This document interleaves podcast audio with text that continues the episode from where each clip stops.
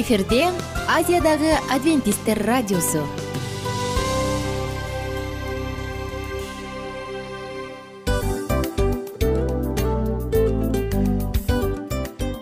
Достор салют. Баардык сүйүктүү угармандарыбызга салам айтабыз. Кутман күнүңүздөр менен. Ден соолук өмүрдүн булагы демекчи саламат саамы программасында баарыңыздарды көргөнүбүзгө абдан кубанычтабыз. Анда алгач амандашып өтөлү арбаңыздар деп. Ден соолугуңуздар кандай элибизде көбүнчө ден соолук кандай дегенде эле жакшы деп жооп беребиз э ооруп турсак дагы жакшы дейбиз. Анан мен муну айтып ойлойт элем бул абдан сонун сөз депчи анткени бул жакшы деген үмүт да э баары жакшы болот. Баары сонун. Деп үмүттөнүп атып эле өзүбүздү өзүбүз дарылап коебуз. Анысы кандай сиздин дагы ден соолугуңуз жакшы беш деген үмүттөбүз чындыгында ден соолук бул өмүрдүн булагы деп бекеринен айтылган эмес деп ойлойм. Кыргыз элинде анткени эгерде ден соолук жок болсо анда адамдын жашоосунда калган баардык керектүү маңыздуу нерселер өзүнүн баалуулугун жоготуп коет. Ошондуктан ден соолук бул эң керектүү нерсе. Ооба туура айтасың кесиптешим чынында ден соолугуң жок бир эки үч күн ооруп калсаң эле кандай болуп калат? Жашоодо көз каранды болуп каласың көп нерсеге жетишпей каласың көп нерсени кыла албай каласың жада калса эшикке дүкөнгө да чыга албай каласың. Туптуура анан ден соолук болсо демек биз биздин бактыбыз тоодой деп койсок болот. Анда достор саламат саамы рубрикабызды баштайлы. Алдыда өзүңүзгө керектүү болгон сонун кеңештерди уга аласыздар. Мына ошондуктан биз менен бирге болуңуздар. Ал эми биз болсо милан жана айнура.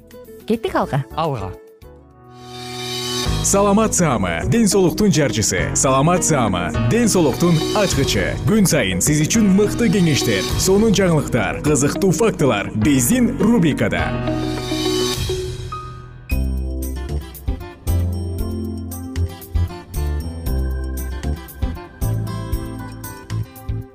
Саламатсыздарбы сүйүктүү угармандар. Кандайсыздар достор? Жалпыңыздар менен кайрадан саламатсызамы рубрикасындабыз. Жана бүгүнкү тема өнөкөт чарчоодо эмне кылыш керек? Өнөкөт чарчоо деп аталат. Чарчоо дегенде эле албетте ар бирибиз чарчайбыз э? Чарчоо негизи бул организмдин физиологиялык абалы. Ал көп иштөөдөн белгилүү убакыттан кийин ишке жөндөмдүүлүктүн төмөндөшү менен мүнөздөлөт иштей албай калат. Акыл эмгегинен чарчаганда эмгектин натыйжалуулугу төмөндөйт кунт коюу начарлайт жана башкалар кара жумуштан чарчаганда булчуңдардын иштеши начарлап күч азаят кыймылдар сейректеп иш аракет төмөндөйт кыймылдын ыргагы дактыгы координациясы бузулат. Эгерде киши чарчаганына карабай иш аракетти бир деңгээлде уланта берсе бул кызматтын аткарылышы нервтин өтө күчтөнүүсүн талап кылып күч көп кетет. Бара бара иштөө күчү төмөндөй берет.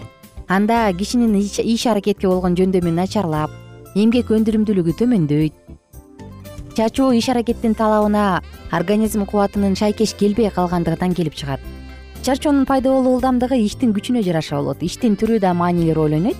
Өзгөчө дайыма бир калыпта турганда булчуңдарга өтө күч келип киши тез чарчайт. Чарчаганда булчуңдарда татаал физикалык химиялык жана биологиялык өзгөрүүлөр жүрө баштайт да. Ишке жөндөмдүүлүк жумуштан кийин гана төмөндөбөстөн түрдүү оорулардан же иштеги жагымсыз шарттарда дагы болот. Ошондой эле эмгекке болгон мамиле дагы чарчоодо чоң мааниге ээ катуу ооруп айыккандар тез чарчап бир аз иштегенден кийин эле башы ооруп демигип жүрөгү тез кагып тердейт. Алы кетип ишке жөндөмү төмөндөйт чарчаганы бат тарабайт мындай кишилер көп эс алышы керек болот достор. Өнөкөт чарчоодун кандай белгилери бар? Деги эле өнөкөт чарчоо эмне? Бул тууралуу сөз кылсак өнөкөт чарчаңкы абалда жүрүү бул оору. Муну өнөкөт чарчоо деп аташат. Мындай абалда адам уйкусурайт алсызданат унутжак болот көңүл чөгөт уйкусуздук кыжырдануу стресс бат баттанма ооруп калуу жана башка толтура толгон токой белгилер аны коштой баштайт. Эгерде сизде ушул белгилер байкалса анда сиз чын эле өнөкөт чарчоо менен ооруп жатасыз жабыркап жатасыз. Эмне себептен адам өнөкөт чарчоого кабылып калат? Кызыкпы. Албетте биринчи кезекте эле уйку толук кандуу уйкунун жоктугу же уйкунун бузулушу. Көпкө стресс абалда жүрүү. Эс албай тынымсыз иштөө үйдөгү чөйрөдөгү ызы чуулар. Күнүмдүк режимдин жана тамактануунун бузулушу витаминдердин жетишсиздиги нерв системасынын оорулары калкан безинин начар иштеши анемия жана башка сезгенүү оорулары. Булардын баардыгы тең өнөкөт чарчоого алып келет. Эгерде жан дүйнөңүздүн абалында тынчтык болбой турса мүмкүн ал дагы себеп болушу мүмкүн. Эгер жан дүйнөңүздө баары жакшы болсо анда эндокринологко көрүнүп тиешелүү анализдерди тапшырыш керек мүмкүн организмге витамин микроэлементтер жетишпей атат. Же иммундук система бузулуп кеткендир мына ошондон кийин ушунун баарын билип алгандан соң сиз эмнеге өнөкөт чарчоого кабылганыңызды биле баштайбыз. Ал эми достор бүгүн сиздер менен бирге биз жаңы энергия деп аталган смозини сунуштамакчыбыз. Эгерде сиз күнүнө эле бир эле стакан ушул жаңы энергия деп аталган смозини ичип турган болсоңуз анда керектүү белоктордун айкалышканын б с е витаминдери кальций магний темирдин баардыгын тең жап жасанын кылып аласыз дагы өзүңүздү ишке болгон жөндөмүңүздү жогорулата аласыз. Анан албетте достор мунун курамында булочка пирожкиге караганда керектүү өлчөмдөгү гана калориялер бар. Ингредиенттер анда жазып алсаңыз болот. Жаңы энергия деп аталган смози үчүн ингредиенттер эки порция үчүн ар бири эки жүз элүү миллилитрден ошондо беш жүз грамм үчүн беш жүз литр үчүн. Бир соя йогурту бир чашка клубника бир чашка ананас ширеси бир аш кашык миндаль пастасы. Дагы бир жолу кайталайын. Бир соя йогурту бир чашка клубника бир чашка ананас ширеси бир аш кашык миндаль пастасы баардык ингредиенттерди блендерге салып бирдей масса пайда болгончо аралаштырыңыз күнүнө бир стакан бир эки стакандан ичип туруңуз. Мындай смузинин касиети адамды азыктандырат энергия берет энергетик жана антиоксидант. Анын курамында с витамини фалат кальций б алты магний е витамини б бир витамини темир жана башка мыкты минералдык заттар бар. Дагы сиздер менен бөлүшө кетейин алма кажу алмасынан жасалган шок менен э, сок менен бөлүшөлү. Кешью багынын негизги жемиши экиге бөлүнөт э. Бул уругу же жаңгагы. Муну биз дайыма колдонуп келебиз. Андан кийин өзүнүн баягы ширелүү жемиши. Муну биз кажу алмасы деп атап келебиз. Кажу алмасынан да аябай сонун майда күйгүзүүчү жана адамга энергия тартуулаган сонун сокту даярдаса болот анда биз сиздер менен ушул соктун кененин айтып берели. Эмне кылып даярдаш керек кандай кылып даярдаш керек? Кажу алмасынан сокту өзүңүз эле даярдап койсоңуз болот. Анын баардыгын тең сиз баягы центрифугадан өткөрүп алыңыз анын баарын андан кийин эгер кааласаңыз даярын сатып алсаңыз болот. Аларды бутылкаларга куюп анан сатып келишет. Мына достор бул кажу алмасынын согу жөн гана адамда энергия гана тартуулабастан ишке болгон жөндөмдү гана жогорулатпастан ашыкча салмак менен күрөшкөнгө дагы жардам берет. Булардын баардыгы тең толугу менен вегетариандык глютен жок курамында диабетиктер үчүн дагы жакшы аллергия чакырбайт антиоксиданттык активдүүлүгү абдан жогору. Мына ошондуктан рак илдети жана башка коркунучтуу оорулардын баардыгын алдын алыш үчүн негизи эле ооруп калбаш үчүн жана бактылуу сапаттуу жашаш үчүн биз айткан ушул смузилерди сокторду ширелерди күнүмдүк рационуңузга аралаштыра турган болсоңуз анда сиз эң акылман адам болосуз. Акылман адам кайгыны көрөт дагы аны мынтип тегерегинен мындай айланып өтөт деп коет эмеспи. Акылман адам ошол кайгыга түшөт экен дагы анан ошондон араң чыгат экен да мына ошондуктан акылман бололу. Ден соолукка келгенде албетте акылмандуулук өтө керек анткени ден соолук бизге бир гана жолу берилет эмеспи достор сиздер менен коштошом. Кийинки уктуруудан кайрадан амандашып кайрадан салам дегенче сак саламатта туруңуздар. Күнүңүздөр көңүлдүү улансын бар болуңуздар бай болуңуздар. Көп жашаңыздар. Достор анда эмесе чарчабаңыз. Чарчасаңыз дагы жакшылыктан убактылуу гана чарчаңыз. Ух эс алайынчы тойдон кийин. Туулган күндөн кийин эс алайынчы деп. Бирок жаман өнөкөт чарчоого кабылбаңыз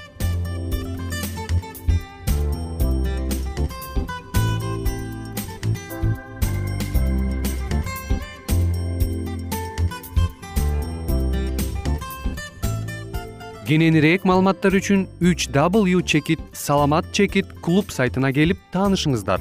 Жана андан тышкары социалдык тармактарда youtube facebook жана instagram баракчаларына катталыңыз. Саламат саама ден соолуктун жарчысы. Саламат саама ден соолуктун ачкычы. Күн сайын сиз үчүн мыкты кеңештер сонун жаңылыктар кызыктуу фактылар. Биздин рубрикада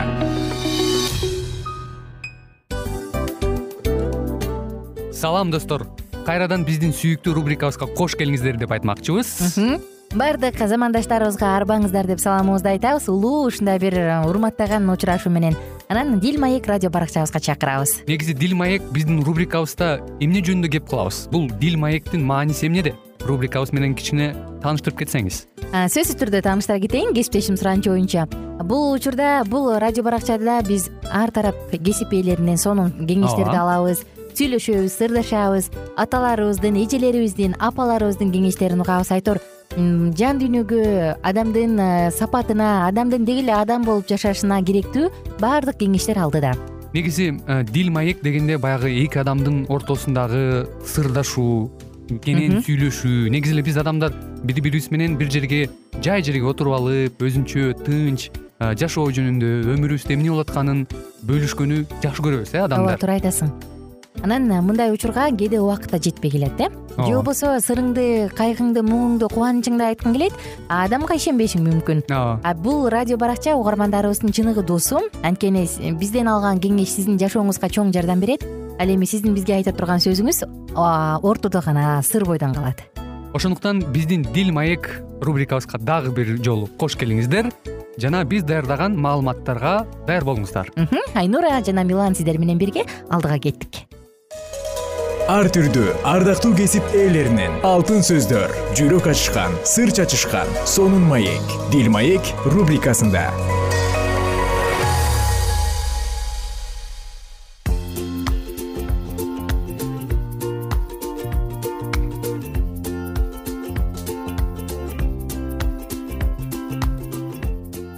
салют достор. Биздин сүйүктүү угармандарыбыздын баардыгына ысык салам айтабыз. Жана сиздер менен кайрадан жагымдуу саатыбызды улантабыз. Аял жубай жана эне деп аталган цикл бүгүн сиздер менен бирге акчасын туура сарптай билген жесир аял жөнүндө сөз кылабыз. Угармандарыбыздын баардыгын чакырабыз жана жагымдуу маанайда биз менен бирге көңүлдүү убакыттарды өткөрүңүздөр демекчибиз. Достор бир аз эске салып кайталай кетсек мурунку уктуруубузда биз акыркы эки лептасын аябай. Ибадатканага барып ондук кылып кудайга курмандык катары берген аял жөнүндө сөз кылып атканбыз. Ал учурда байлардын көпчүлүгү көп көп акчаларды салган бирок иса айтат алар өздөрүнөн артканын берди деп.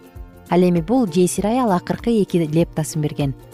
Өзү жесир экенине жарды экенине карабастан өзүндө болгонунун баарын берди дейт. Анда достор саатыбызды уланталы эгерде адам кудайга өз акчасын берсе анда ал колунда болгондун баарын ортого салууну каалап муну кудайды сүйгөндүктөн кылаарын да ыйса билет.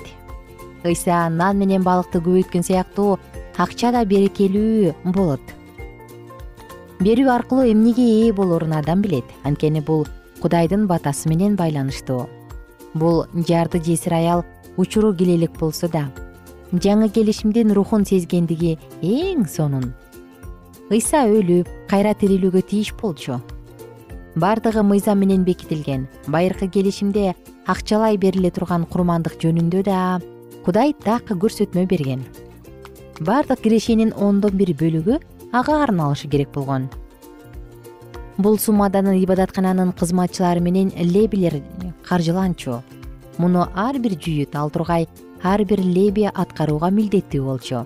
Лебилер да өздөрүнүн кирешесинин ондон бир бөлүгүн ыйык кызмат кылуучуларга беришкен.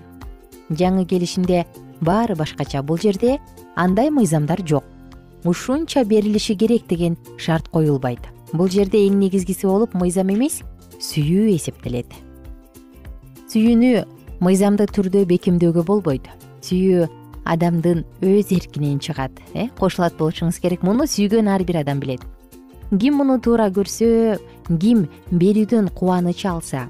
Ал дайыма бер жана бергениңди эч ким көрбөсүн деген принципти эреже катары колдонот. Мүмкүн бул аял кудай дүйнөгө өз уулун берүү аркылуу сүйүүсүн көрсөткөнүн сезгендир. Ушул себептен ал акыркы акчасын курмандыкка берип кудайга болгон сүйүүсүн далилдегиси келгендир. Эмнеси болсо да берүү байлардын эле артыкчылыгы эмес экенин ал түшүнөт. Жарды адамдардын деле ошондой мүмкүнчүлүгү бар.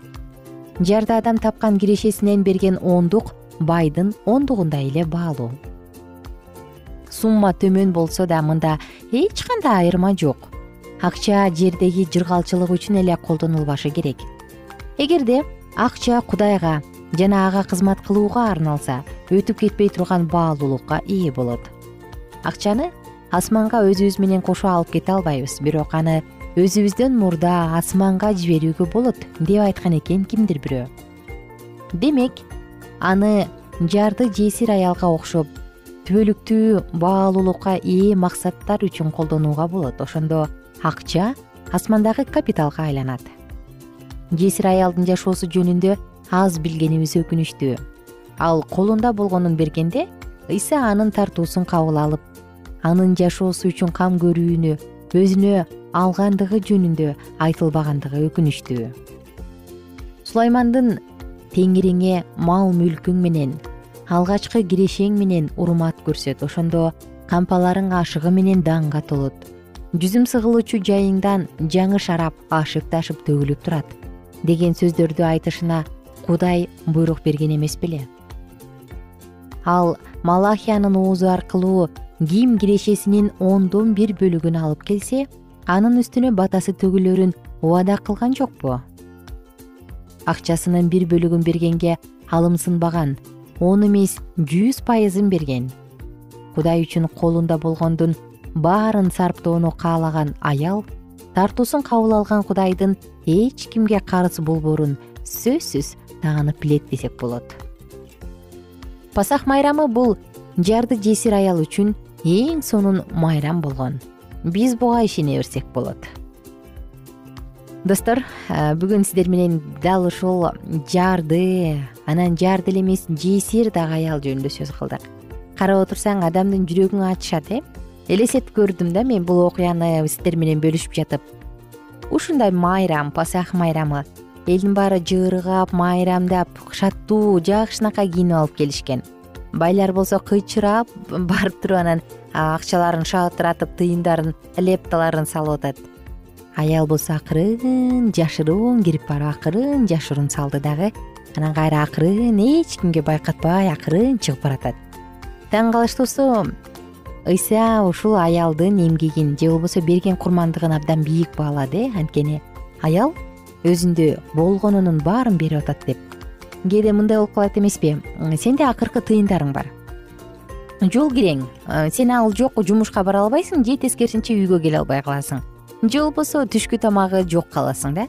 Мына ушундай учурда бирөө сенден акча сураса кечирип койчу менин жолумда жолума деген эле он сомум турат деп айткандан тартынбайбыз да биз туурабы. Бирок жарды аялды карасаңыз өзүндө болгон акчасын көзүн жумуп туруп анан мына кудай сен үчүн деп анан берип атат да карап отуруп чындыгында өзүңдү уялбай да койбойсуң э уяла кетесиң бетиң тызылдап кетет. Анысы достор биз кудайга эмнени беребиз? Биз жаратуучуга эмнени арнайбыз? Өзүбүздөн артканын четинен бычып туруп анан берип коебузбу? Же колубузда болгондун баарын кудайга биринчи кирешебизди кудайга арноого даярбызбы бул дагы албетте чоң роль ойнойт. Жана менимче ар бир адам өзү үчүн таразалап алганы жакшы э. Ооба мен ушундай кылам же мен андай кылбайм деп айтор кандай гана болбосун? Биздин жашообуз баталуу бойдон кала берсин деген гана тилегим бар. Жана достор сиздер менен коштошом. Эгерде сизге ушул сыяктуу маалыматтар кызыктуу боло турган болсо биз менен сөзсүз байланышыңыз кайтарым байланышыбыз бар. Жана жалпыңыздар менен коштошом. Күнүңүздөр көңүлдүү маанайда улана берсин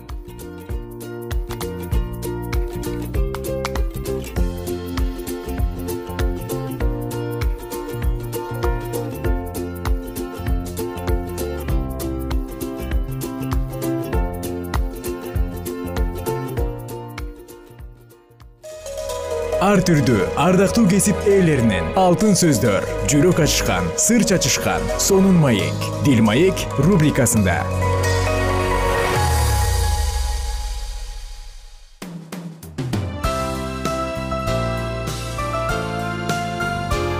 Эфирде азиядагы адвентисттер радиосу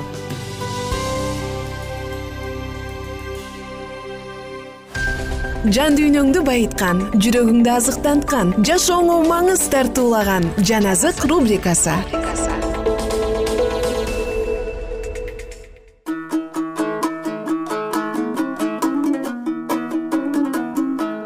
Салам достор. Жалпы биздин сүйүктүү угармандарыбызга ысык салам айтабыз? Жана сиздер менен бирге жагымдуу саатыбызды баштадык. Бул саат албетте достор. Жан азык сааты деп аталат. Сиздер менен бирге жан азык саатында биз аюб китебин пайгамбарчылык китеби тоорат китебинен аюб китебин окуп жатканбыз. Анда бүгүн улантабыз.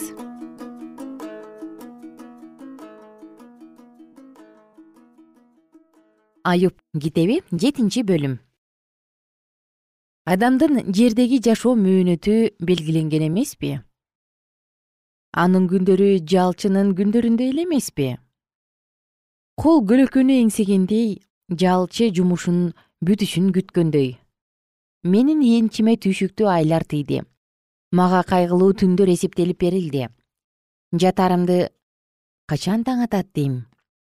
Бирок түн созула берет мен таң аткыча кыйналып оодарыла берем. Денемди курт каптап карттанып терилерим жарылып ириңдеп жатат. Менин күндөрүм чыгырыктан тез айланып үмүтсүз өтүп жатат. Менин өмүрүм жел экенин көздөрүм кайра жакшылык көрбөстүгүн эсиңден чыгарба. Мени көргөн көз эми мени көрбөйт. Сен мени бир караганда эле мен жок болом. Булут суюлуп тарап кетет. Ошондой эле өлгөндөрдүн жайына түшкөн адам кайра чыкпайт. Ал өз үйүнө кайтып келбейт. Анын турган жери аны билбей калат. Мен тилимди ошондуктан тыйбайм. Рухум кыйналганынан улам сүйлөп жатам жан дүйнөм жабыр тартканынан улам даттанып жатам. Сен мага сакчы койгудай мен деңиз билем же деңизде жашаган коркунучтуу жаныбар билем. Төшөгүм сооротот жаткан жерим кайгы капамды таратат деп ойлоп жатканымда сен мени түштөр менен коркутасың. Көрүнүштөр менен үрөйүмдү учурасың. Ошондо менин жаным сөөктөрүм калганга караганда дем алуумдун токтошун өлүмдү артык көрөт. Жашоодон тажадым. Түбөлүк жашамак белем мени өз жайыма кой. Анткени менин күндөрүм курулай убаракерчилик сен ушунчалык балагыдай көңүл бургудай адам баласы ким? Ага ар таңда келип турасың көз ирмем сайын аны сынап турасың. Сен качан менден көзүңдү аласың? Качан кое бересиң качан шилекейимди жутканга мүмкүнчүлүк бересиң? Эгерде мен күнөө кылган болсом адам күзөтчүсү болгон сага эмне кыла алам? Эмне үчүн сен мени өзүңө бута кылып алдың? Мен өзүмө өзүм жүк болуп калдым. Эмне үчүн менин күнөөмдү жууп мыйзамсыз иштеримди кечирбейсиң? Анткени мен эми топуракка жатам. Эртең мени издейсиң бирок мен жок болом аюб китеби сегизинчи бөлүм. Шуктук билдат мындай деп жооп берди. Сен ушинтип көпкө сүйлөй бересиңби? Оозуңдан чыккан сөздөр дуулдаган шамал. Кантип эле кудай өкүмүн бузсун кантип эле кудуреттүү кудай чындыкты өзгөртсүн? Эгерде анын алдында сенин уулдарың күнөө кылса анда ал аларды өз мыйзамсыздыгынын колуна салып берди. Эгерде сен кудайды издесең кудуреттүү кудайга сыйынсаң. Эгерде сен таза болсоң эгерде сеники туура болсо анда азыр эле келип сенин адил жашооңду калыбына келтирет. Эгерде мурда сенин колуңда аз болсо эми өтө көп болот. Мурдагы муундардан сура алардын ата бабаларынын баамдагарын көңүлүңө түй биз болсо кечээкилер элебиз да эч нерсе билбейбиз. Анткени биздин жердеги өмүр көлөкө мына ошолор сага үйрөтүшөт айтышат сөздөрүн чын жүрөктөн айтышат. Талчыбык нымсыз көтөрүлөбү камыш суусуз өсөбү ал көк бойдон чабыла элек бирок ар кандай чөптөн мурда куурап калат кудайды унуткандардын бардыгынын жолу ушундай. Эки жүздүүнүн үмүтү таш кабат. Анын үмүтү желе анын ишеними жөргөмүштүн үйү. Өз үйүнө жөлөнөйүн десе анысы туруштук бере албайт. Бек кармайын десе анысы кулап калат. Ал күн алдында көгөрөт. Анын бутактары бактын сыртына жайылат. Анын тамырлары үймөк таштын түбүнө чырмалат да ташты жарып чыгат. Аны ордунан жулуп алса өскөн жери андан баш тартып мен сени көргөн эмесмин дейт. Анын өмүр жолунун кубанычы ушул. Жерден болсо башкаларды өсүп чыгат. Көрдүңбү кудай такыбаны четке какпайт зулумдарды колдобойт. Ал дагы уургоңду күлкүгө оозуңду кубанычтуу сөздөргө толтурат сени жек көргөндөр уятка калышат. Мыйзамсыздардын чатырлары жок болот. Ошондо аюп мындай деп жооп берди. Туура ушундай экенин билем бирок адам кудайдын алдында кантип актана алат?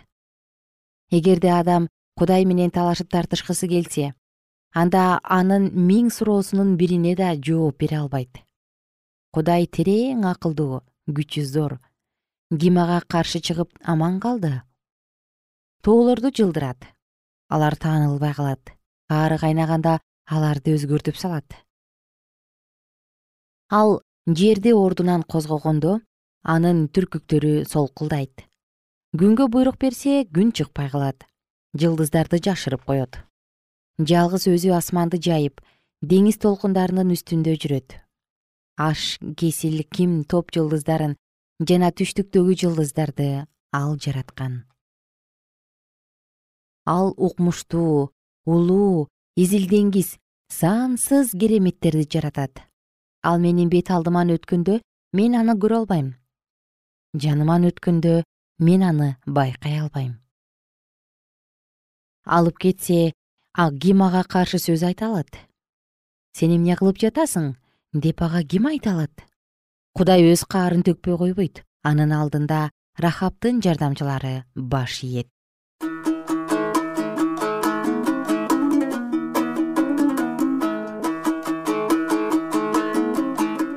ардактуу достор биз уктуруубузду ушул жерден токтотобуз. Жана жалпыңыздарды кийинки уктурууда кайрадан ушул эле жыштыктан тосуп алабыз.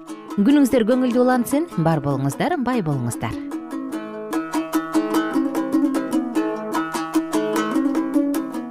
Эгер сиздерде суроолор болсо же көбүрөөк маалымат билем десеңиз анда биздин whatsapp номерибизге жазыңыз. Плюс бир үч жүз бир жети жүз алтымыш алтымыш жетимиш. Кайрадан плюс бир үч жүз бир жети жүз алтымыш алтымыш жетимиш.